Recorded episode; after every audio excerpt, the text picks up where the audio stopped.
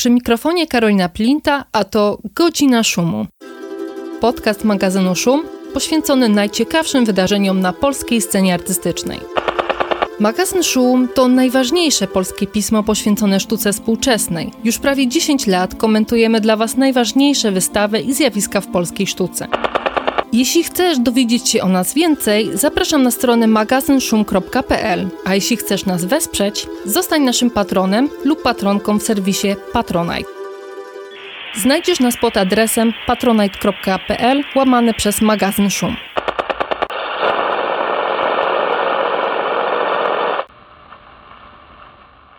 Dzień dobry Państwu. To setny odcinek Godziny Szumu. No, jest to wyjątkowa okazja i z tej mm, wspaniałej przyczyny jest z nami Karol Raciszewski, artysta, performer, malarz, artysta konceptualny, a także, co istotne, absolutnie pierwszy gość podcastu Godzina Szumu. Karol był, występował w pierwszym odcinku i wystąpi w setnym. E, zanim jednak przejdziemy do rozmowy, zapraszam Państwa na chwilę materiałów od naszych partnerów.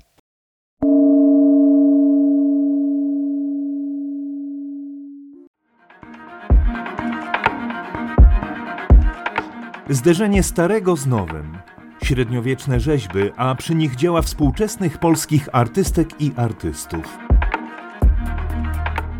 W Muzeum Narodowym w Poznaniu do 7 kwietnia trwa wystawa Powiadacze dialog między sztuką współczesną a średniowieczną. Te dzieła łączy więcej niż myślisz.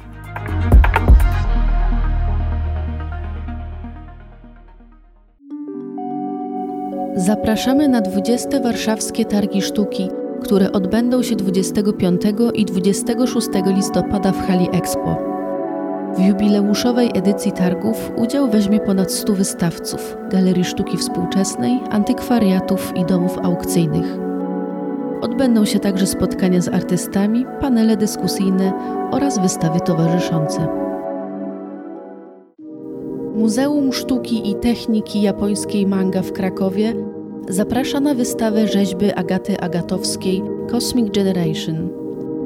Zawitaj do cyfrowej fantazji, gdzie rządzą postaci z pogranicza świata rzeczywistego i wirtualnego, z głębokiej przeszłości i nieznanej przyszłości.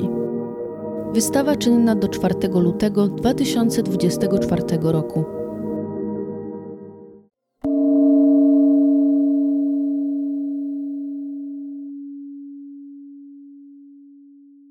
Witam po przerwie. Przypominam, e, jestem z Karolem Radziszewskim, a spotykamy się e, przy okazji premiery spektaklu Fobia w Nowym Teatrze w Warszawie, którego reżyserem jest Markus Orm i e, współpracował przy nim bardzo aktywnie także Karol.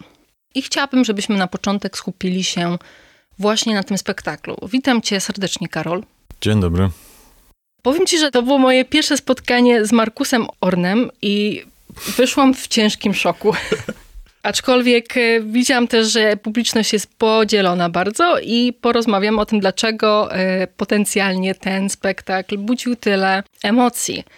Na początek jednak chciałam ciebie spytać, e, czy ty wcześniej już wiedziałeś, kim jest Markus i co on robi? Tak, to znaczy mm, pojawił się jakiś pomysł, że może jakaś e, była współpraca, może, może coś i Markus poprosił, żebym obejrzał jego poprzedni spektakl e, Rodzina w Nowym. A jeszcze wcześniej widziałem sonatę Wit, więc w sumie widziałem dwie jego rzeczy przed tym. No i Rodzina mi się mega podobała. Mm, w ogóle myślałem, że to jest chyba jedna najlepsza, najlepsza rzecz, którą widziałem w Nowym Teatrze. I tam już to wszystko było, cała jego estetyka, więc też byłem na to przygotowany. Więc wiedziałem, na co się pisze.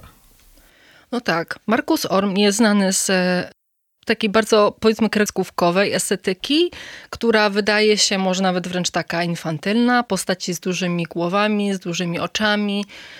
I jego spektakle też słyną mm, z brutalności. Zastanawia mnie to, jaki był Twój stosunek do do tego, co się dzieje na deskach teatru Markusa Orma i czy ty na przykład, nie wiem, od razu miałeś takie poczucie, wow, to jest zajebiste, czy może nie? Tak naprawdę, tak jak mówię, to nasze takie obwąchiwanie się, zaproszenie było ponad rok temu i pomysł był taki, że Markus chciał coś zrobić troszkę z polską historią, ten tytuł Fobia gdzieś się pojawił, ale ja miałem na początku wejść trochę z malarstwem, ze scenografią, a kiedy się spotkaliśmy na żywo w czerwcu i przewałkowaliśmy w mojej pracowni wiele godzin rozmów, to się okazało, że w ogóle wszystko się zmienia, nagle, że my się totalnie rozumiemy i wszedł temat fuckfightersów. I to jakby zmieniło wszystko, bo ja mam wiesz, różne oblicza i etapy swoich e, działań artystycznych i fuckfightersi to jest w sumie mm, trochę jeden do jednego. Taka przemoc, szalona fantazja, która wywraca stereotypy i tak dalej.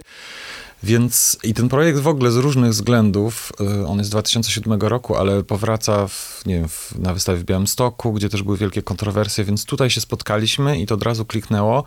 I tak naprawdę w czerwcu w ciągu jednego dnia wymyśliliśmy wszystko to, co teraz widać na scenie, więc dla mnie tu nie ma żadnych zaskoczeń. Tak naprawdę cała praca mm, przez wrzesień, październik to była praca z aktorami i rozwijanie dialogów i ustawianie tych scen. Ale co, jak tam będzie, to wiedziałem już od początku i się mega tym jarałem. A jak dokładnie wyglądała ta współpraca? Czy ona głównie polegała na tej koncepcji, budowaniu razem scenariusza, no i ty później dodawałeś swoje obrazy? Czy jednak na przykład brałeś bardziej czynny udział już w pracy z aktorami e, i konstruowaniu tego spektaklu, tak jak on wygląda? Wiesz co, no to jest w ogóle takie, my naprawdę powiedzieliśmy sobie, że wszystko jest tutaj wspólne, oprócz samej takim typowej reżyserii, czyli pomocy aktorom, jak to na scenie ma działać, bo Markus jest artystą wizualnym oryginalnie, a później wszedł do teatru, więc on pracuje w specyficzny sposób. Te próby są dosyć krótkie i właściwie wszystko musi być od razu. Cała scenografia, wszystkie rekwizyty, kostiumy i on ustawia pewne sceny tak jakbyśmy montowali live teledysk. I to też dla mnie było bardzo bliskie, bo ja boję się takiego teatru, gdzie właściwie nie wiadomo, co się wydarzy, próby po kilkanaście godzin i w sumie się wszystko rozjeżdża. A tutaj była wielka dyscyplina, i były mini improwizacje, ale tak naprawdę wszystko było kontrolowane i wymyślane. I często sceny, na przykład druga scena, y, to jest całkowicie jakby mój pomysł, który wychodzi od mojego, moich spotkań, wiesz, z różnymi korporacjami, e, te, które są gay-friendly w, e, w Polsce i, i często obraz był punktem wyjścia najpierw do tego, co się później działo w dialogach, więc to jest, za każdym razem było pomiksowane dużo bardziej niż tylko dodawanie elementów. I też byłem na wszystkich próbach, więc oczywiście e, to nie było tak, że Markus mówił do aktorów idź w prawo, a ja mówię idź w lewo. Raczej mało mówiłem, ale później e, wszystko omawialiśmy przed i po. I no spektakl jest po polsku, jest mega też w polskim kontekście, więc całe wprowadzanie tych lekcji historii, ich redukowanie, co w którym momencie warto powiedzieć albo jaki utwór przywołać, mm, to już była jakby moja działka. Tam są też twoje obrazy i absolutnie są tam różne obrazy. Czy one są wszystkie twoje, łącznie z takimi powiedzmy abstrakcyjnymi maziejami? Tak, to było wielkie wyzwanie. Malowałem pierwszą w życiu abstrakcję na potrzeby spektaklu, na, e, pierwszą reklamę i też e, e, pierwszą starówkę warszawską. I starówka była najtrudniejsza. Po prostu namalowanie Zamku Królewskiego, żeby to było i cytatem ala hotelowe malarstwo, ale jednocześnie moim obrazem to był mega, mega problem. Ale tak, wszystko, co tam jest w ogóle mm, namalowane, jest e, moje. E, długo malowałeś starówkę? E, wiesz, ja maluję, ja pracuję bardzo szybko. Pracuję akrylami, maluję bardzo szybko, ale trzy razy ją przemalowywałem, bo nie byłem zadowolony z efektu. Heroiczne poświęcenie. Przejdźmy może trochę do meritum, czyli fobii tego, czym jest fobia i o co chodzi w tym spektaklu, można się zdziwić już e, przy pierwszej scenie. Bo spotykamy się tam z rodziną.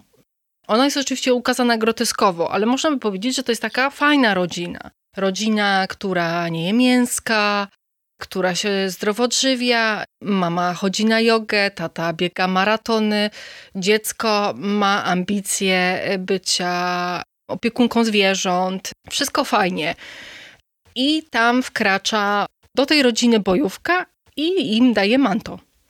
Dlaczego właśnie taka rodzina, a nie na przykład e, po prostu jakaś homofobiczna rodzina, katolicka, która tam, nie wiem, scena, że się modlą e, nad jakimś kurczakiem i, i później mhm. w to wjeżdżają fightersi. Wiesz co, to jest e, cały taki gruby temat. Ja w 2005 zrobiłem wystawę pedały, która była pierwszą od otwarcie homoseksualną czy homoerotyczną wystawą w historii Polski i Hwajtersi przyszli zaraz chwilę później i to był całkowicie inny czas.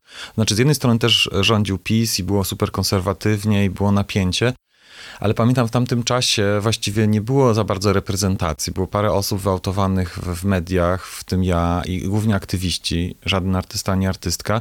I cokolwiek się powiedziało, zrobiło, to trzeba było brać odpowiedzialność, że się całe środowisko reprezentuje. Więc używanie słowa pedał publiczny tam wszyscy mydleli. A jednocześnie mm, pamiętam z tamtego też okresu były jakieś artykuły wyborcze, czy gdzieś o wyborze marek, które są takie sprzyjające, że, że środowisko LGBT uważa, że one są fajne, no to te marki prosiły o usuwanie ich logotypów i nazw z takich artykułów. I Jesteśmy całkowicie innej sytuacji. Z jednej strony jest oficjalna narracja o homofobii, transfobii, znaczy transfobiczna, homofobiczna ze strony rządu i przedstawicieli władzy. Z drugiej strony jest ogromne zaangażowanie marek, jest ten konsumpcjonizm. Pierwszy raz się zaczyna właśnie ten cały powierzchowny taniec wokół różowych pieniędzy. A jednocześnie też scena queerowa się zróżnicowała. Jest dużo głosów, dużo repre reprezentowanych tożsamości. I na to wszystko się nakłada właściwie takie trochę udawane sojusznictwo, ale też taka dla mnie takie ułagodzenie wszystkiego, że właściwie każdy w sumie jest już z dużego miasta taki miły, friendly i tak naprawdę nawet jak się przejdzie po kawiarni tego nowego teatru, gdzie tam cały czas siedzą te hipsterskie rodziny, te osoby, i gdzie nad barem wisi flaga, która jest trochę bardziej rozbudowana niż ta tęczowa, ma parę innych elementów, to myślę, że gdyby zapytać każdą z tych osób, które tam siedzą, co znaczą te symbole, to w ogóle by nie wiedziała, co chodzi i nie miałaby z tym problemu, no bo tak naprawdę to wystarczy tylko powiedzieć, że jesteśmy gay friendly. I, i ten spektakl um, jest o tym, o takim powierzchownym zaangażowaniu i tak naprawdę to też parę osób zwróciło na to uwagę, że to nie, nawet nie chodzi tylko o osoby LGBT, ogólnie chodzi o taki pseudoaktywizm, pseudobycie dobrym, dobre, e, dobre samopoczucie, mieszkanie sobie właśnie na tym przysłowiowym Mokotowie w dobrych e, warunkach i wrzucenie postu o czymkolwiek, o wojnie, o, o, o, o czymś tam, o właśnie zwierzątkach, załatwia sprawę, a później tak naprawdę przejmujemy się już tylko swoimi dziećmi, rodzinką i, i tak dalej. I no to jest taki antymieszczański spektakl po prostu. No właśnie, ja też miałam takie y, paranoiczne poczucie, no bo siedzę z publicznością, powiedzmy, no jestem taka jak ta publiczność. Y, jestem publicznością Nowego Teatru, nie mieszkam na Mokotowie, ale całkiem blisko. I ten spektakl jest na dobrą sprawę o nas. I my się tak siedzimy na tej widowni i my się chichramy z tego, ale w sumie to, y, to jest dziwna sytuacja. No tak, a jednocześnie to jest pociągnięte do absurdu, no bo też tam jest scena, gdzie z, z, premedytacją namalowałem więcej niż jedną tęczową flagę, różne flagi, które prezentują różne tożsamości i tak naprawdę właściwie nikt, ani aktorzy, ani nikt współczynnik, nikt nie zna tych wszystkich flag. I to jest też takie pytanie z drugiej strony, nie? jak daleko my wymagamy czegoś, no ale to jest właśnie to szaleństwo, że szalony quiz historyczny i przepytywanie e, tej rodziny doprowadza do masakry, zbrodni i jak gdyby kar, które są oczywiście wymierzane w absurdalnie ostrej e, formie. Dla mnie to też jest um, ostatnia scena, ale cały spektakl jest też trochę taką autoironią w tym wszystkim i moją i Markusa, to znaczy, że z jednej strony te, te hipsterskie rodziny wcale nie są aktywistyczne, a z drugiej strony sztuka też nie zmienia rzeczywistości w takim stopniu, że jak zrobisz w nowym spektakl, to cały świat się zmieni i wszyscy będą dobrzy. Więc to jest też trochę o nadużyciach, o zawłaszczeniach samej sztuce i, i, przez artystów i jakby takim szaleństwie, że nasza sprawa jest zawsze najważniejsza, więc to jest trochę taki obusieczny miecz jednak. I myślę, że w tym spektaklu no, też to widać. No. My możemy, ja na przykład kocham tych Fightersów, ale jednocześnie no, oni są przestępcami, więc to jest takie ambiwalentne. Są bardzo brutalnymi przestępcami i to też słyszałam, że ludzi szokuje e, wśród publiczności.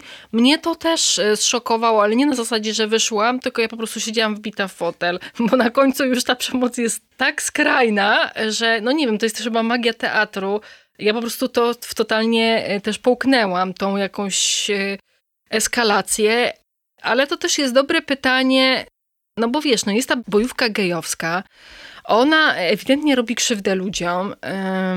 Jak to ma się do tego wizerunku takiego przeprawego, lewicowego aktywisty, który jest empatyczny, który jest nieprzemocowy, który właśnie walczy z tą przemocą, nie używa jej i tak dalej, i tak dalej. No kompletny rozjazd jakby tego wizerunku. No, y, jeśli jesteś tym aktywistą, który walczy o prawa osób nieheteronormatywnych, to no jakby to jest taki bardzo wygórowany też wzór y, osoby, która jest niemalże świętym. No a tutaj nie ma tej świętości. Jest totalna brutalność.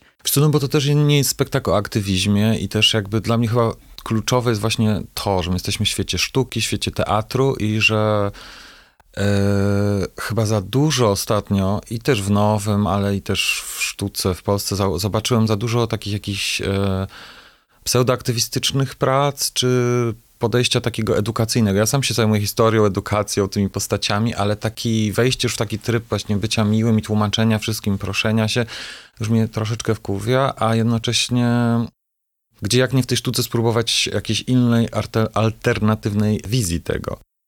Więc dla mnie tutaj nie ma jakby rozjazdu, to jest po prostu trochę inna opowieść i też e, próba powiedzenia, że to jest działanie queerowe, czyli wywrotowe, czyli antyspołeczne z założenia, takie jak są e, korzenie tego typu działań. To, że ty mówisz, że właśnie byłaś w szoku albo że wbiło cię w fotel, mnie to mega kręci, bo szczerze mówiąc mi się wydawało, że, że, że tego nie usłyszę, no bo sztuka jakby nie działa szczególnie na kogoś, kto dużo rzeczy widział. Być może to jest jedna z przyczyn, dlaczego ja w ogóle w teatr wszedłem z tym tak na grubo, bo może właśnie tam to jeszcze działa, nie? że na, na wystawie trudniej jest to zrobić. Mm, też bardzo dla mnie jest to ciekawe na poziomie formy i w ogóle sztuki, że Markus używa tak teatralnych środków. Mam nadzieję, że Państwo zobaczą, bo ten kolejny set będzie pod koniec grudnia grany. Bo to jednak trzeba na żywo zobaczyć, bo zdjęcia tego nie oddają, ale on stosuje takie proste triki, jak się kogoś bije, no to on jest schowany za biurkiem albo za łóżkiem. Tak naprawdę tej przemocy takiej w pełni e, werystycznej, jak nie wiem, w grze o tron moglibyśmy zobaczyć, czy w jakimkolwiek serialu na Netflixie, tam nie ma ale psychologicznie poprzez dźwięki, poprzez zestawienia tych sekwencji e, jakoś to na ludzi działa. I dla mnie to jest fantastyczne, że jakby sama sztuka jest w stanie wywołać takie emocje, bo mam wrażenie, że już mało co wywołuje emocje. No ja też zawsze jestem pod wrażeniem, jak coś we mnie wywoła takie, wiesz, bardzo intensywne i no takie uczucie, że faktycznie opada mi szczęka, to się nierzadko zdarza. Eee, no dobrze, no ale czy na przykład widziałbyś taką bojówkę gejowską real? To jest właśnie um, i dobre i złe pytanie, bo ono się często pojawia i ja wtedy mówię, to w sumie bym powtórzył to, co przed chwilą, nie? że tu nie potrzeba tego pytania. To jest e, tak dzika fantazja, tak pokazuje, że to jest przerysowane na wszelkich możliwych stopniach, łącznie z tymi maskami śmiesznymi, że chodzi o to, żeby to zobaczyć i się skonfrontować z tym obrazem. I ja nie przykładam tego na rzeczywistość. Jakbyśmy bardzo chcieli przełożyć to na rzeczywistość, i to właśnie polską, to mamy grupę Homo Commando, która też niby jest gejowską bojówką, chodzi na paintballa, jest wysportowana, ale ich głównym zadaniem jest chronienie Marszu Kobiet, składanie tęczowych zniczy y, przed Andrzejem Dudą, y, żeby go wkurwić na jakichś rocznicach. I generalnie różne akcje, które takie są właśnie, tak jak powiedziałeś, super dobre i, i, i miłe i oni po prostu są wysportowani. A już kulisy tego, jak wygląda ich życie, to są osobne sprawy. Może też ciekawe w tym kontekście, ale nie chcę tego drążyć. Natomiast rzeczywiście e, to jest pytanie bezzasadne, bo to jest um, pewna fikcja i szaleństwo. No, no to, to jest takie pytanie, Karo, ale czy ty myślisz, że czy ty jesteś za tym, żeby zabijać ludzi za to, że, że nie znają, wiesz, gałski flag? No nie, no to jest jakby szalona fantazja, ale ja potrzebowałem to zobaczyć. Zresztą od wielu lat y, z Michałem Zygmuntem pracowaliśmy nad scenariuszem. Chciałem bardzo zrobić film o Fuckfightersach, który miał być taką właśnie pojechaną jazdą. Przy czym u mnie ci Fuckfightersi zawsze są bardzo realistyczni. To są takie mokumenty właściwie, jak się pojawiają na wystawach w formie zdjęć czy wideo. Tak było też w Białymstoku w galerii, gdzie założono mi y, rozprawę za tą instalację i, i cały czas się spotykałem z problemem, że nikt nie chce pomóc w zrobieniu tego. Też już mówiłem o tym w wywiadach, ale ten słynny konkurs robiony przez Muzeum Sztuki Nowoczesnej z Instytutem Filmowym na, na film zrobiony przez artystę, e, ten scenariusz był odrzucany dwukrotnie i pod głównie hasłem, że to jest homofobiczne, nie? Wszyscy święci lewicowi po prostu tam siedzieli w tych jury, artystki, filmowcy, kuratorki i, i wszyscy mieli problem z tym. Byli przerażeni, nie chcieli przyłożyć do tego ręki. Że fuckfightersi są Tak. homofobiczni? Tak, że mój projekt jest homofobiczny, fuckfightersi są homofobiczni i że taki film nie może powstać. Ale jak, jak fuckfightersi? Oni mogą być przemocowi, ale nie... No nie, nie, wiesz to, no ja, ja w ogóle spodziewałem się, że będzie ogromna krytyka, y, największa krytyka tego spektaklu właśnie ze strony queerowej policji, to znaczy właśnie z tych wszystkich aktywistów, którzy dbają o wizerunek i uważają, że powiela, znaczy nawet nie powielanie klisz, tylko pokazywanie złych gejów jest już homofobiczne, no nie? To jest osobny temat, który dla mnie jest bardzo ciekawy, że dopóki nie zobaczymy pełnokrwistej postaci nieheteronormatywnej w kulturze, to będziemy cały czas mieli takie e, powidokie obrazki. Na przykład w recenzji odrzucającej nasz scenariusz do, do rozwoju treatmentów w, um, Boże, jak się nazywa ten Państwowy Filmowy Instytut... e, PiS? PISF, tak? Jeden z reżyserów, takich bardzo sławnych scenarzystów komedii polskich napisał, że, to jest obrzydliwe, okropne i że przecież mamy tak piękne przykłady jak Brokeback Mountain i pokazanie pięknej miłości między mężczyznami. Wiesz, no mi się żygać chce, jak to słyszę. I to jest też homofobiczne takie spojrzenie, że, że właśnie ci geje to mają być ci mili, spokojni, wiesz, i zawsze to chłopcy, cis i oczywiście ładni i tak dalej. Czy no. chciałbyś, żeby y, w kulturze było więcej wizerunków złych gejów? W jakimś sensie tak, z przemyśleniem tego, nie? Żeby pokazać, że to nie chodzi o to, że to jest stereotypowo obsadzane jako kryminalista czy po prostu zboczeniec, ale że jest bardziej skomplikowana ta osobowość. Że to jest dosyć duży trend. Jest taki słynny, a propos podcastów, jest słynny podcast Bad Gays, robiony przez e, kuratora e, Schwules Muzeum w Berlinie, czy takiego e, LGBT Muzeum. Jest cała seria właśnie rozmów o słynnych osobach niehetero z przeszłości, głównie właśnie cis e, mężczyzna gejach, którzy wcale nie byli pozytywnymi e, postaciami, ale zasłynęli czymś. I to jest e, po prostu interesujące, bardziej kompleksowe, nie?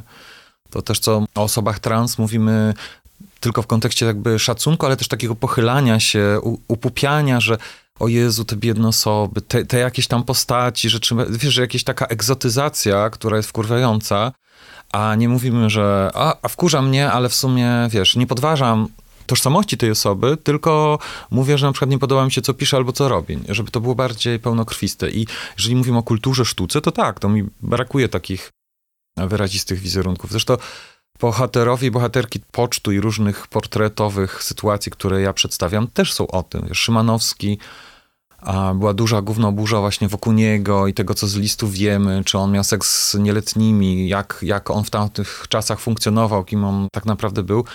I jest też o tym, że ja jeżeli go namaluję, to nie mówię, że on był fajny, tylko mnie interesuje ta biografia z całym tym bagażem. I z pozytywnymi, negatywnymi. Wtedy przynajmniej mamy o czym rozmawiać, bo w ogóle to wchodzi do dyskusji. Taki jest jakby zabieg, cel. Tak, ale y, Szymanowski raczej, wiesz, tak mainstreamowo jest postrzegany jako po prostu wielki Polak. I myślę, że właśnie taka y, stereotypowa rodzinka z Mokotowa to nie roztrząsa tego faktu pod tytułem, jak, y, jaki on realnie był. Ale no, taką realnie chyba jedyną faktycznie negatywną postacią w tym poczcie mam wrażenie, że jest Henryk Walezy, który jest faktycznie stereotypowo postrzegany jako taki nieudany król, jakiś zdrajca i tak dalej. Może to też y, pytanie do ciebie, czy byś na przykład nie chciał rozszerzyć tego pocztu o takie jednoznacznie złe jednostki? Czy stereotypowo złe? Słuchaj, tam w tym poczcie, jakbyśmy przeszli przez każdego, to tam mało kto był dobry. Wiesz, na przykład Jan Lechoń, to jest dopiero czarny charakter. Oni po prostu wszyscy się e, ze sobą nawzajem ruchali, za przeproszeniem. Z I- Iwaszkiewicz, ci partnerów przekazywali. Był młody taki polsko-żydowski malarz, który był ich kochankiem i był też kochankiem Lechonia. I kiedy Lechoń miał już ciepłą posadkę w ambasadzie w Paryżu, reprezentując nacjonalistyczny polski kraj i sprowadzając tam Szymanowskiego, żeby robić operę narodową o góralach w białych rajstopach, to kiedy wybuchła e, wojna i właśnie ten mm, jego kochanek były, próbował prosić go o pomoc w Paryżu, żeby się uratować przed hitlerowcami, to ten mu odmówił pomocy. No i ten chłopak uciekał wzdłuż e, Europy na południe i popełnił samobójstwo. I Potem Lechoń mm, pojechał do Nowego Jorku, tam też był super konserwatywny, w końcu nie wytrzymał i sam się też zabił. Dąbrowska była biczą totalną, Maria. Mm, Wydaje mi się, że w tym porcie jest bardzo dużo. Tylko my te, nie chcemy o tym mówić, bo chcemy właśnie utrzymać taki wizerunek, że są takie ikony LGBT. tęczowe postaci, e, wzory do naśladowania, to gówno prawda, wiesz, to są właśnie osoby, które są ciekawe. Mm, też często pada zarzut, że ja pokazuję tylko te takie znane i uznane, ale tak naprawdę o nich możemy więcej powiedzieć, no bo taki ogólny podmiot, tak, były osoby niehetero w przeszłości, nie znamy ich imion, byli biedni, byli z robotniczych i chłopskich rodzin. Oczywiście, że tak było, tylko że w tych biografiach które są kluczowe dla polskiej kultury, jest dla mnie dużo ciekawsze dekonstruowanie ich, mówić właśnie, a, była lesbo, był pedałem, ale w sumie nie był taki wcale dobry, więc może wcale nie trzeba ich naśladować, ale mieć tą świadomość, że mm, te tożsamości funkcjonowały i funkcjonują. Nie?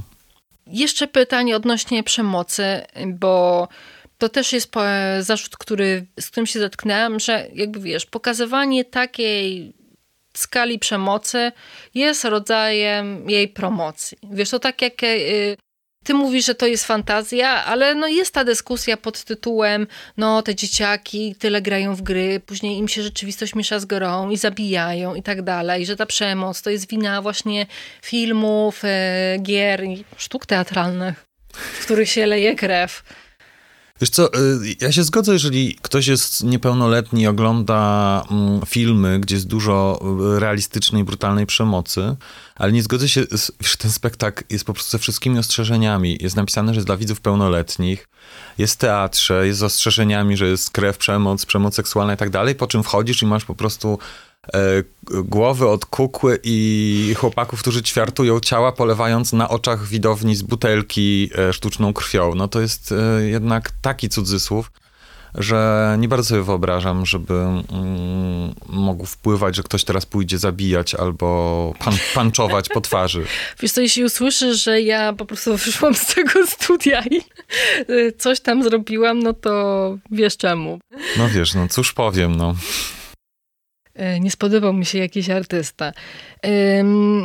Jeszcze bym pociągnęła ten temat właśnie narracji gejowskich czy nieheteronormatywnych w kulturze e, i takiego, wiesz, podejścia do tego, co tam można pokazać e, w tej instytucji, a co nie.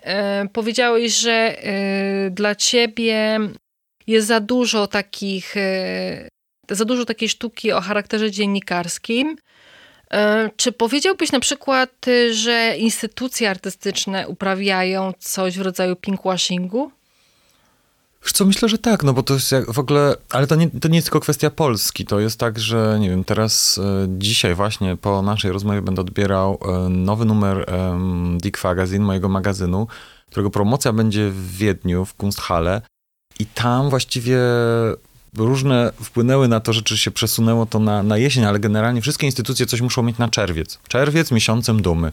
Każda korporacja musi wy, wypuścić jeansy i bluzki z tęczą, skarpety z tęczą, przysłać je do LGBT influencerów, a każde muzeum, y, które chce być progresywne, musi tam, wiesz, zmienić tylko, ale tylko na czerwiec znaczek na stęczą i coś tam zrobić w programie w sumie trochę cokolwiek, byleby by się działo wokół tego, a już tam w lipcu to już nie trzeba, więc w tym sensie jest to dla mnie śmieszne i, i często, mm, nie wiem, teraz jak była wystawa Ani Nowak e, w MSN-ie, to też dużo osób mówiło, że w sumie to jest pierwszy raz widzą taką dużą wystawę queerową, lesbijską, że takiej sztuki mm, jest tak jakby w tych instytucjach jednocześnie mało, że takie proste gesty, że trzeba jakieś okrasić na, na czerwiec czymś tam są, są dosyć e, powierzchowne i one nie, nie zmieniają jeżeli mówimy o Polsce, która jest tak super e, konserwatywnie rządzona, jak widać wcale ten nowy rząd nie będzie taki też mega gay-friendly, e, to, to, to rolą tych instytucji jest dużo większe wsparcie według mnie i też proponowanie rzeczy ryzykownych, a nie jakby tylko takie lizanie tematu, że tak powiem. Czy ja nawiązuję do tego pinkwashingu w kulturze, no bo ostatnia scena także jest poświęcona no, pracownikowi kultury, który też zostaje ukarany, choć e, teoretycznie no, można by się wydawać, że intencje ma dobre, chociaż nie do końca dobre, no bo zajmuje się nie swoim, wkroczył na nie swój, e, na obcy rewir. I e, zastanawiam się, czy to można tą scenę po prostu interpretować na zasadzie Y, takiego prostego, no szwedzki reżyser nie może się wypowiadać na temat polskiej kultury, czy tam jest coś więcej? Jak byś to Wiesz co, Markus się aż tak do końca nie, nie definiuje, powiedzmy, wobec swojej tożsamości seksualnej, ale jednocześnie jest to raczej bardziej punkt widzenia hetero i punkt widzenia kogoś z zagranicy. I teraz o tej polskiej homofobii, transfobii będzie nam tutaj mówić, robić. I to w teatrze, gdzie bilety kosztują prawie stówę i w sumie kto to miałby zobaczyć i jakby jak to miałoby to rzeczywistość tak naprawdę zmienić, a on zarobi, nie? Więc tak naprawdę tu jest cała ta perwersja, którą my świadomie bardzo pokazujemy. To też jest zabawne. My próbujemy trochę, to może wyszło przy już w samej pracy. To jest mój taki ulubiony temat w ogóle takiego mm, homonacjonalizmu, myślenia w kontekście narodu, języka, granic, więc w tym spektaklu jest mnóstwo takich rzeczy, że ci fakwajtersi przejmują wszystko od tych e, dresiarzy na zioli, i ta, łącznie z całym takim patriotyzmem i tym, że wszystko musi być polskie, nie? I to jest też e, dla mnie dosyć komiczne, ale bardzo takie specyficzne dla naszego kraju, że nasze to są te pedały, nasza to ta historia. I ponieważ ja w tym pracuję, więc też trochę mm, siebie w tym ośmieszam. Y, no tak, to jest taka metafora, a jednocześnie wiesz, no na przykład scena gwałtu na artyście, to, je, y, to też jest dla mnie ciekawe, bo chyba to najwięcej wzbudzało oburzenie, właśnie przemoc seksualna, ale jednocześnie mm, Markus dosyć um, otwarcie mówi o tym, że to jest jego masochistyczna fantazja, nie? I że on tą scenę kreował, on, on po prostu chciał to zobaczyć, jemu to jest jakby gdzieś um, artystycznie potrzebne i fascynujące, Spełnia po prostu swoje zachcianki spryciarz. No tak, tak, więc, dla, więc naprawdę jest taki roller coaster, wszystko jest razem tutaj połączone, no. Tak, y, nawiązując do tego reżysera, który y, szwedzkiego, y, też się tak zastanawiałam, no bo wiesz, jesteśmy w takim momencie, że wiesz, Polska uśmiechnięta zwyciężyła Polskę brunatną. Mm, no nastroje były takie heroiczne, że nareszcie zwyciężyliśmy, z, zło przegrało, bla, bla, bla. I czy to jest właśnie dobry moment na taki spektakl? Bo wiesz, dopiero co ta Polska uśmiechnięta i y, no, nie wiem czy tęczowa, ale kolorowa na pewno, wygrała po ośmiu latach, y, latach suchych czy tam głodnych. No i już od razu jest krytykowana najlepszy moment możliwy, bo to za długo trwa po prostu. Wiesz, to trzeba patrzeć na ręce. Właśnie w tym momencie, kiedy się decyduje, co ta koalicja będzie robić. Jak ja słyszę, że wiesz, najwyższa historia, fis, yy, frekwencja w historii wyborów, dlatego że ludzie są wkurzeni i tak naprawdę głównie młodzi ludzie i kobiety, bo wkurza ich jakby, wiesz, prawa reprodukcyjne, to jak się traktuje kobiety w Polsce i tak dalej. I pierwsze, co dostajesz na twarz od koalicji, to, że o tych sprawach nie będziemy rozmawiać, bo to jest ideologia. No to kurwa, no to kiedy? Y, idealny moment właśnie teraz. Y, tu się ma decydować, czym się koalicja może pokłócić, a czym skleić, a my mówimy, jakie są problemy. Od razu diagnoza jest na tacy. No tak, no, nie no też się wylansowali na tych różnych ideologiach. Dokładnie, Trochę. dokładnie, więc proszę płacić teraz, to już są kolejne wybory, nic nie, wiesz, to jest, to, to jest, mnie do szału doprowadza, jako Koalicja Obywatelska kolejny raz, od, odkąd ja w ogóle głosuję, słyszę to, no, że, że, że wiesz, pedały i tak będą musiały na nas zagłosować, bo my jesteśmy lepsi od tych brunatnych. No chuj, wiesz, po prostu nie... Z, za stary jestem, żeby się łykać to po prostu w ten sposób za każdym razem. Ja oczywiście się cieszę, że było jasne, to nie chodzi o symetryzm. Ja bym nie chciał, żeby PiS rządził kolejną kadencję, bo to był dramat, tragedia i to jest yy, na każdym polu to, kto wygrał, jest demokratyczne i lepsze. I to jest jakby fakt i to, tego w ogóle nawet nie podważam. Ale to nie chodzi tylko o prostą krytykę, tylko mówienie, tak, jesteśmy tu, my głosujemy na was, mamy prawo też do czegoś. Pozytywnym jakimś takim elementem, który teraz e, słyszałem, jest zaczęcie nawet nie od tych związków partnerskich, ale do wpisania właśnie mowy nienawiści jako czegoś, co można będzie prawnie mm, ścigać. To znaczy, bo jeżeli powiesz do kogoś, że jest pedałem, albo na tle homofobicznym skrytykujesz taką osobę, no to według polskiego prawa to nie jest żaden problem. I tutaj prawo nie wchodzi. Więc takie, takie proste rzeczy, które pokazują tą nierówność, powinny być pierwszymi, które zostaną przyjęte i jakby to trzeba od samego początku adresować. No bo e, pan Tusk się reklamował tym, że w 100 dni już on będzie wszystko zmieniać. W, ty, w pierwszych 100 dniach, to są 3 miesiące, są nawet już związki wpisane, więc jakby czekamy, patrzymy, pomagamy, mhm. sugerujemy. No a powiedz, skoro taki model tej kolorowej rodzinki e, wegańskiej z flagą e, w szufladzie albo która wisi na balkonie, to nie jest wystarczające, e, to co, Co dla ciebie jest na przykład takim modelem sojusznictwa, który uznajesz za jakoś autentyczny, za realnie dobry? Ten spektakl oczywiście jest całkowicie przerysowany, są brutalne lekcje historii, ten quiz. I ja nie spodziewam się, że każdy będzie znał każdy utwór Szymanowskiego albo wiersze Konopnickiej, ale pamiętam, że jak były te duże, największe zamieszki w Stanach i cały ruch Black Lives Matter, ja też byłem taki jakiś pogubiony, trochę kurde, to co zrobić, nie? Co my w tej Polsce możemy zrobić?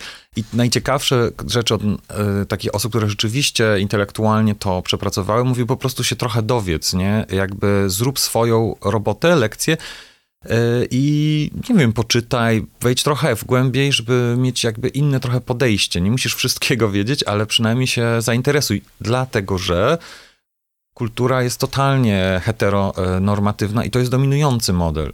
I sama wyobrażenie, że w ogóle możemy na dzień dobry podważać to i myśleć o tym inaczej, to jest taka robota, którą każdy powinien wykonać. A rozmawiałem też o tym z Markusem i on właśnie mówił, że gdzieś czytał, że to, co biały, cis, hetero mężczyzna może zrobić najlepszego, to właściwie zostać w domu i y, rozważać swoją pozycję. To znaczy powstrzymać się od robienia rzeczy, żeby nie zajmować przestrzeni. I to jest radykalne, oczywiście nieprzemocowe, ale jakby też taki radykalny pomysł, że jak sobie zdasz sprawę, że na przykład sojusznictwo to nie polega na tym, że pójść na paradę, zrobić sobie zdjęcia i siebie otagować i być tym dobrym, dumnym, tylko pójść albo coś zrobić, albo pomóc wolontariacko i nie powiedzieć o tym, wiesz, no to jest e, też tak jak ludzie, którzy pomagają osobom uciekającym z Ukrainy. Czasem robią heroiczne rzeczy i część e, po prostu wpłaci 10 zł i zrobi trzy posty o tym, a ktoś po prostu, nie wiem, pomaga samochodem własnym przewozić, nawet nie ma czasu o tym postować i robić. Robi po prostu jakąkolwiek rzecz, która będzie prawdziwa, nie? I to jest chyba kluczowe. W tym kontekście quiz historyczny chyba nie jest bezzasadny.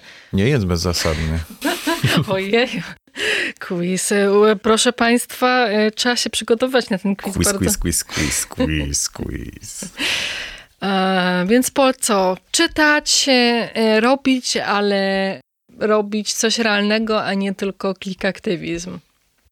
Tak, i to ja też mówię to do siebie, bo to nie, tak jak mówię jeszcze raz, to nie chodzi o to biedne, tak zwane spo, spo, społeczność LGBT, tylko na każdym poziomie.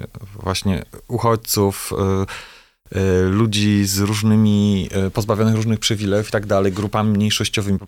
Ja sam dużo używam social mediów, Instagram i tak dalej, ale jest różnica między, wiesz, jakimś konkretnym celem, na który zbierasz pieniądze, czy prowadzisz kampanię, czy zdobędziesz y, pieniądze, albo przeprowadzisz coś, a, a po prostu takim prostym wrzuceniem jakiegoś y, symboliku, to, już, to już nie działa, nie? To jest jakby y, za mało i wtedy może lepiej w ogóle tego nie robić i nie udawać i nie, nie mieć tego poczucia, że się, och, uff, wrzuciłem, ale odważny jestem, no stracę 10 followersów, ale się poświęciłem, tyle zrobiłem dla świata. No to jest takie mm, ta uda totalna. Chociaż wiesz, jak na przykład były um, strajki kobiet, to tam wydaje mi się, że to miało jakieś jednak znaczenie, że na przykład na balkonie była e, błyskawica. Tak, to na pewno to jest element tego. Tylko fajnie pójść fizycznie na ten protest i jednocześnie mieć tą błyskawicę jako znak, nie?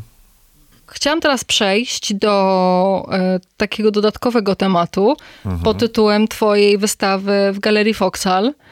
E, swoją drogą polecam Państwu bo do, do którego? Do 2 grudnia jest. Do 2 grudnia można oglądać w, w Galerii Foxa wystawę Nos w dupie, gdzie ty e, mierzysz się z dziedzictwem Galerii Foxal. Chciałam to podjąć dlatego, że no to jest generalnie, jest twój konik, to też jest historia, to też jest jakiś rodzaj quizu historycznego. Um, tylko, że tutaj wydaje mi się, że już jest też troszkę inna stawka. Pod tytułem Ty się mierzysz z tym dziwnym dziedzictwem, trudnym, gdzie są, w to dziedzictwo są bardzo mocno wpisane też przemocowe osoby. I ciekawi mnie, y, po co to robisz. Nie wiem, Tadeusz Kantor, taka osoba, sorry, nie, na dzisiejsze standardy. Cieszę się, że nie żyję w jego czasach i że nie musiałam się mierzyć y, z jego personą. Ty to robisz i yy, po co?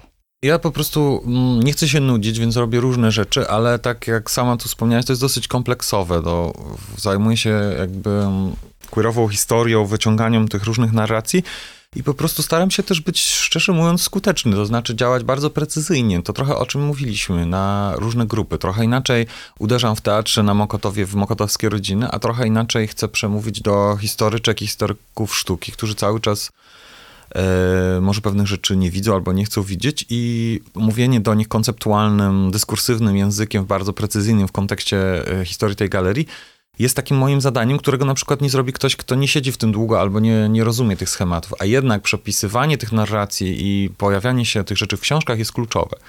Ja zawsze mówię też o tym, że w 2005 roku, jak robiłem swoją coming-outową wystawę, wyszła książka Andy Rottenberg, która miała ponad 500 stron o sztuce polskiej i tam od 1945 do 2005 roku nie było ani jednej osoby nieheteronormatywnej. Nie istnieje ktoś taki w historii polskiej kultury i sztuki. Jesteśmy teraz w innym czasie, w innym miejscu i taka prosta rzecz dla mnie, studenta SP, który już wtedy już kończył, już byłem rok po studiach, to, że mam 500 stron, gdzie nie ma nikogo, do kogo mógłbym się odwołać z Polski, jest fałszem, kłamstwem, lenistwem, zaniedbaniem i dla mnie taka wystawa właśnie w Foxal e, jest trochę odpowiedzią na to nie chcę tu się rozwodzić nad całą wystawą. Jest do niej fajny katalog, który też tam można pozyskać i poczytać. Teksty się pojawiły też na szumie online, więc można je sobie, e, Michał Grzegorzek super napisał, można poczytać. Ale powiem tylko o jednym case'ie, właśnie z kantorem. On był takim przemocowcem, ale też miał tak ogromną władzę, wpływ na to, kto będzie, kto nie będzie artystą dosłownie, że mm, jedno, jedną z jego zbrodni, poza wieloma, tak jak traktował kobiety, współpracowników i tak dalej, jest wykończenie Krzysztofa Niemczyka. I to jest kolejny taki bad gay, zły gay. Trudno o nim powiedzieć jako o sobie... Niemczyk czy? Niemczyk też, mhm. tak. Niemczyk nie był e, z, z, tego, co słyszymy, jakąś super fajną osobą, ale był ciekawym artystą, prekursorem sztuki queerowej w Polsce. Jedną z tych jego najbardziej takich znanych, ulotnych, efemerycznych akcji było pokazywanie pośladków w przestrzeni publicznej w Krakowie jakiś taki proto-queer performance w ogóle w wschodniej Europie, bo to są lata 60. I ten kantor, który widzi, że ten Niemczyk zaczyna być coraz bardziej awangardowy, wpływowy, y, zaczyna go blokować jako artystę na każdym możliwym poziomie. On nie ma wstępu do, do Foxal i tak dalej, a jednocześnie w, w swoim ikonicznym dziele y, Umarła klasa kantor wykorzystuje ten motyw pokazywania pośladków. I ja szukam takich właśnie gestów, to znaczy przemocowca, który nie, nie dość, że queerowego artystę wykończy, to jeszcze ukradnie od niego pomysł i użyje w wysokiej sztuce, która stanie się jednym z ikonicznych e, elementów polskiej kultury. Dlatego Niemczyk jest takim wielkim, ukrytym trochę bohaterem w mojej wystawie. Mal, jako jedyny jest namalowany jego portret w złotych ramach, ale on się pojawia ze Starzyskim i tak dalej. Tam można sobie śledzić te wątki, nie chcę teraz tego wszystkiego wrzucać. Ale właśnie taka prosta rzecz tego, co kantor zrobił, ja próbuję odwrócić to, wyciągając tą wypiętą dupę dosłownie z jego spektaklu i przywracając ją do porządku tej kultury queerowej i naszego dziedzictwa. I to jest taka moja robotka, którą robię. Ja często mówię, że będąc w wieku, którym jestem, chodzę na parady, podpisuję różne manifesty, wypowiadam się, ale tak naprawdę to, co ja uważam mogę zrobić efektywnie, to to chcę wpłynąć na to, co będzie w książkach za 5, 10, 15 lat. I nie tylko w elementarzach dla dzieci, ale też w książkach o historii, sztuki, o kulturze i myślę, że to przynajmniej jest jakaś moja odpowiedź na to, w co ja wierzę, jak, jakiego typu aktywizm ma sens, i widzę, że się to już w niektórych elementach sprawdza, te przepisywania. Ja też podpowiadam po prostu. Wiesz, często historycy sztuki, akademicy, nawet nie, że są leniwi, ale trochę nie wychodzą poza biblioteki i tak dalej. I czasem potrzeba takiego radykalnego researchu, czy pewnego wizualnego nagięcia albo pokazania im, patrzcie, to z tym mogłoby być, tak? Widzimy to. Czy to, co robię na wystawie z tratwą Meduzy Kantora. Wystarczy po prostu zamalować elementy tego e, jakiegoś zdjęcia i nagle się po prostu okazuje, że wie, że to jest zupełnie o czymś innym. E, no, i takie rzeczy mnie interesują. No, wydaje mi się, że jeszcze długa droga przed nami e, i jeśli chodzi o takie dziwne osoby z, z kanonu, no to zapraszam moich słuchaczy i słuchaczki do wysłuchania rozmowy z Anką Taszkowską, którą zrobiłam w tym roku. To było mocne zdarzenie. Może też dlatego, że po prostu Anka jest już osobą leciwą, chyba też schorowaną, e, ale widać było tam też takie, taki stary dyskurs mocno, wie, który wjechał. Wiesz co, mi się wydaje, że on się po prostu nie zmienił, że gdybyś rozmawiała wcześniej, to by było tak samo, tylko z jeszcze większym przekonaniem. W, w historii kilkudziesięcioletniej historii Galerii Foxal pokazano chyba 8 czy 9 kobiet tylko i to w większości były partnerki y, artystów, którzy tam działali, zostały dopuszczone. No to jest jakieś po prostu paranoja totalna. Zresztą e, galeria, która była najbardziej awangardowa i była tą furtką nie tylko dla Polski, ale w ogóle jedną z niewielu w ogóle miejsc w całym wschodnim bloku, który miał wymianę z Zachodem, tam nie ma w ogóle ciała. To nawet na poziomie performance'u nie pojawia się ciało, cielesność, e, gender, tak, a, a to się wszystko działo w latach jednak 60., 70. To było jedna z najciekawszych rzeczy. W zamian za to jest po prostu, wiesz, szczucie na pseudo-awangardę i próba zdyskredytowania takich osób jak Natalia Lel i jej działania jako głupia wariatka, feministka, czy w ogóle, wiesz, pokazuje cycki, więc to nie jest żadna sztuka. A tak naprawdę to było jedno z ciekawszych i najbardziej rewolucyjnych rzeczy w tamtym czasie, a nie chodzenie w garniturze i pokazywanie kolorowych kwadracików po kilkudziesięciu latach, kiedy to zostało wymyślone. Więc, więc taka pseudo-awangarda samego Foxalu mnie tutaj też interesowała. No jest to też o tyle trudne, że ta um, tradycja ciągle rezonuje. No i to jest taka, wiesz, tradycja, z której też y, jakoś wywodzi się Muzeum Sztuki Nowoczesnej, które pokazało wystawę Anki Ptaszkowskiej, właśnie opowiadającej o tej historii bez żadnych krytycznych przypisów.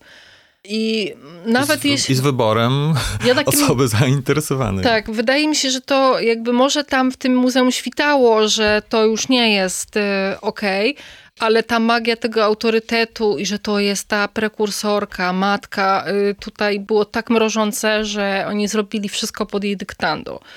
Absolutnie. Um, więc jest dużo jeszcze do zrobienia. Właśnie to jest też, sama sobie trochę odpowiadasz. Z jednej strony jest taka zupełnie, wydaje się, niszowa sytuacja i dla młodych e, artystek, artystów te, te, te konflikty, ta historia Foxa jest jakimś po prostu, nawet nie prahistorią, ale w ogóle tego nie znają, ich to nie interesuje. Ale z drugiej strony to, co mówisz, to wpływa, bo to są korzenie, które potem wpływają na programy, na to, kto jest zapraszany, jak to się mm, wszystko rozwija i de facto ma to znaczenie, tylko trzeba o tym wiedzieć, jak, jak system funkcjonuje. A jak y, Galeria Foxal, jak im mówisz o tym, że trzeba tutaj zdemitologizować tego kantora i tak dalej, jak oni, jaki oni mają teraz do tego stosunek? Maria Rubesz, która tam pracuje w archiwum, to jest i pierwsza wystawa, do której została pozwolono jej ją zrobić. No niestety muszę tak to powiedzieć. Od razu wiedziała, że chce pracować właśnie ze mną i z archiwami i, i w ten sposób. I ona jest mega entuzjastyczna i mega jej za to dziękuję i dzięki temu się to wydarzyło. Natomiast pozostałe część ekipy mi się wydaje, że albo to wypiera, albo się stara nie komentować w ogóle. To znaczy, żeby przeczekać. E, I to jest bardzo e, dojmujące i to jest e ewidentne. Jak długo będą czekać? Śmieszne jest to, że zupełnie, zupełnie przypadkowo, to będzie piękna klamra pewnie to też naszego podcastu, zupełnie przypadkowo po, e, po tym, jak zaproszono mnie do wystawy, druga kuratorka zaprosiła Markusa Orna do zrobienia wystawy w Galerii Foxal i on ma wystawę od razu po mnie, która będzie oparta na naszym spektaklu, i to już będzie taki totalny mindfuck, bo nie dość, że moje marzenie naklejenia Pink Scotcha na miejscu Blue Scotcha po 15 latach się spełniło, czy no, więcej niż po 15 nawet. Czyli nigdy nie nakleiłeś tego Pink Scotcha? Tam, nie, bo nie? mnie nigdy nie zaprosiła Galeria Foxel. Aha. Wiesz co, ja jak mnie jakoś miałem utrwalone, że nie, tam już zawsze, kiedyś był, byłeś. Zawsze chciałem, to była ta moja perwersyjna, opóźniona przyjemność, żeby ten Pink Scotch się dokładnie na tych świętych miejscach Blue Scotcha mógł e, nakleić. A teraz w grudniu pojawi się kolejna perwersna przyjemność, bo, bo po prostu fuckfightersi wejdą do archiwum i do Galerii Foxa, więc to jest po prostu dla mnie...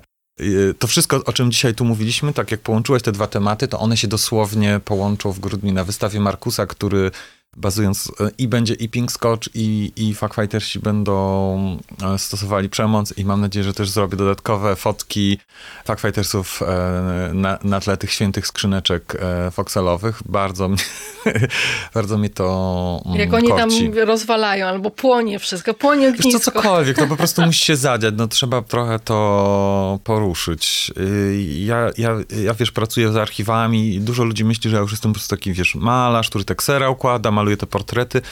I stwierdziłem, że może rzeczywiście czas trochę znowu przywrócić takiego pazura i go dosłownie pokazać. Wydawało mi się, że już to robiłem, że nie muszę, ale daje mi to mega satysfakcję i, i ciekaw jestem nawet y, tych reakcji, i pozytywnych, i negatywnych.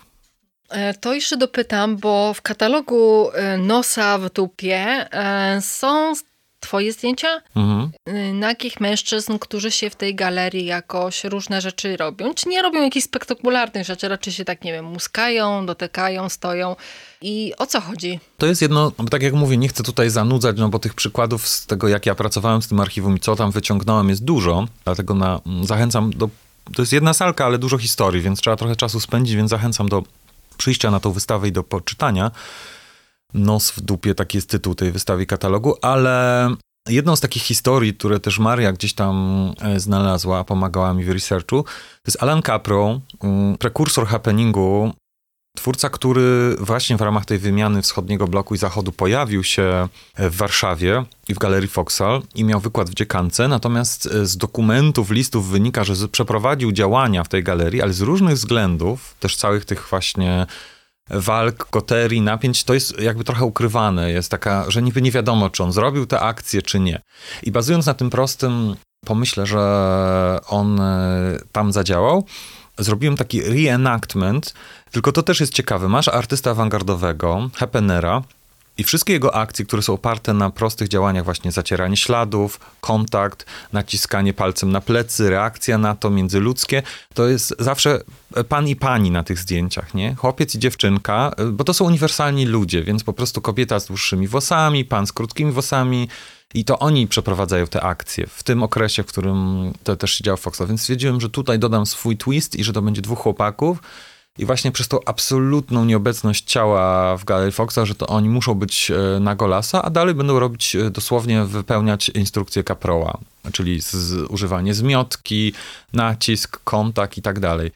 I bardzo fajnie to zadziałało. Też mm, sama obecność tych e, młodych, super e, hot chłopaków siedzących na golasa, na tych fotelach, przy tym biurku Foxal dawało mi to totalną satysfakcję. A w katalogu i, i, też, żeby utrzymać tą, bo jakoś też, wiesz, teraz sporo wchodzę właśnie w teatr, performatywność i te rzeczy, które nie do końca muszą być przyszpilone na tej ścianie, więc ta dokumentacja działań z nimi trochę była dla mnie, e, dokamerowy taki performance zrobiliśmy, a trochę można ją oglądać w jednej z takich skrzynek tych ikonicznych Foxalowych, gdzie nakleiliśmy nazwisko Niemczyka, który tam nigdy nie miał prawa trafić do tej skrzynki, a można sobie dokumentację z tego performance'u właśnie tam oglądać i w katalogu, czyli on trochę tak funkcjonuje, jest obecny, ale na marginesach tego, co jest na wystawie. Mhm. Czyli najpierw wprowadzasz go lasów, a później przyjdą bojówkarze. Tak. Których też może rozbiorę tym razem. Hot, brzmi naprawdę, hmm, będzie na co popatrzeć. E, Dobrze, więc zachęcam Państwa zarówno do wizytacji w Nowym Teatrze, żeby popatrzeć sobie, jak e, gejowscy bojówkarze, czy to są gejowscy bojówkarze? Tak. Wiesz co, pedalscy bojówkarze, Pedalscy. bo też jakby ja nie chcę udawać, że znowu reprezentuję całe środowisko i ten, ten. Jestem cis-pedałem i oni też są cis-pedałami i w, w swoim moim imieniu napierdalają. Y, Można już kupować bilety, bo one strasznie szybko znikają. Spektakle będą dwa- 28, 29, 30 grudnia i już online można sobie kupić bilecik i czekać, żeby po świętach Bożego Narodzenia obejrzeć. Mm, urocze, na przykład rodzinnie. Tak. Ci, co nie zdążą na e, otarcie łez, e, powinni się wybrać do Galerii Foxal, która z kamienną twarzą przeżywa swoją dekonstrukcję. Do 2 grudnia zapraszamy. Karol, bardzo Ci dziękuję za rozmowę. Dziękuję bardzo. A e, moje słuchacze i słuchaczki zapraszam na kolejny odcinek Godziny Szumu.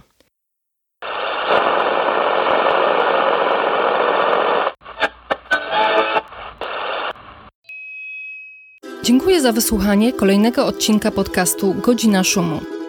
Na następne zapraszam za dwa tygodnie. Szukaj nas na popularnych platformach streamingowych. Możesz też wesprzeć naszą działalność w serwisie Patronite, gdzie funkcjonujemy pod adresem patronite.pl łamane przez magazyn Szum. A jeśli chcesz dowiedzieć się więcej o sztuce współczesnej w Polsce, zapraszam na stronę magazynszum.pl. Do usłyszenia.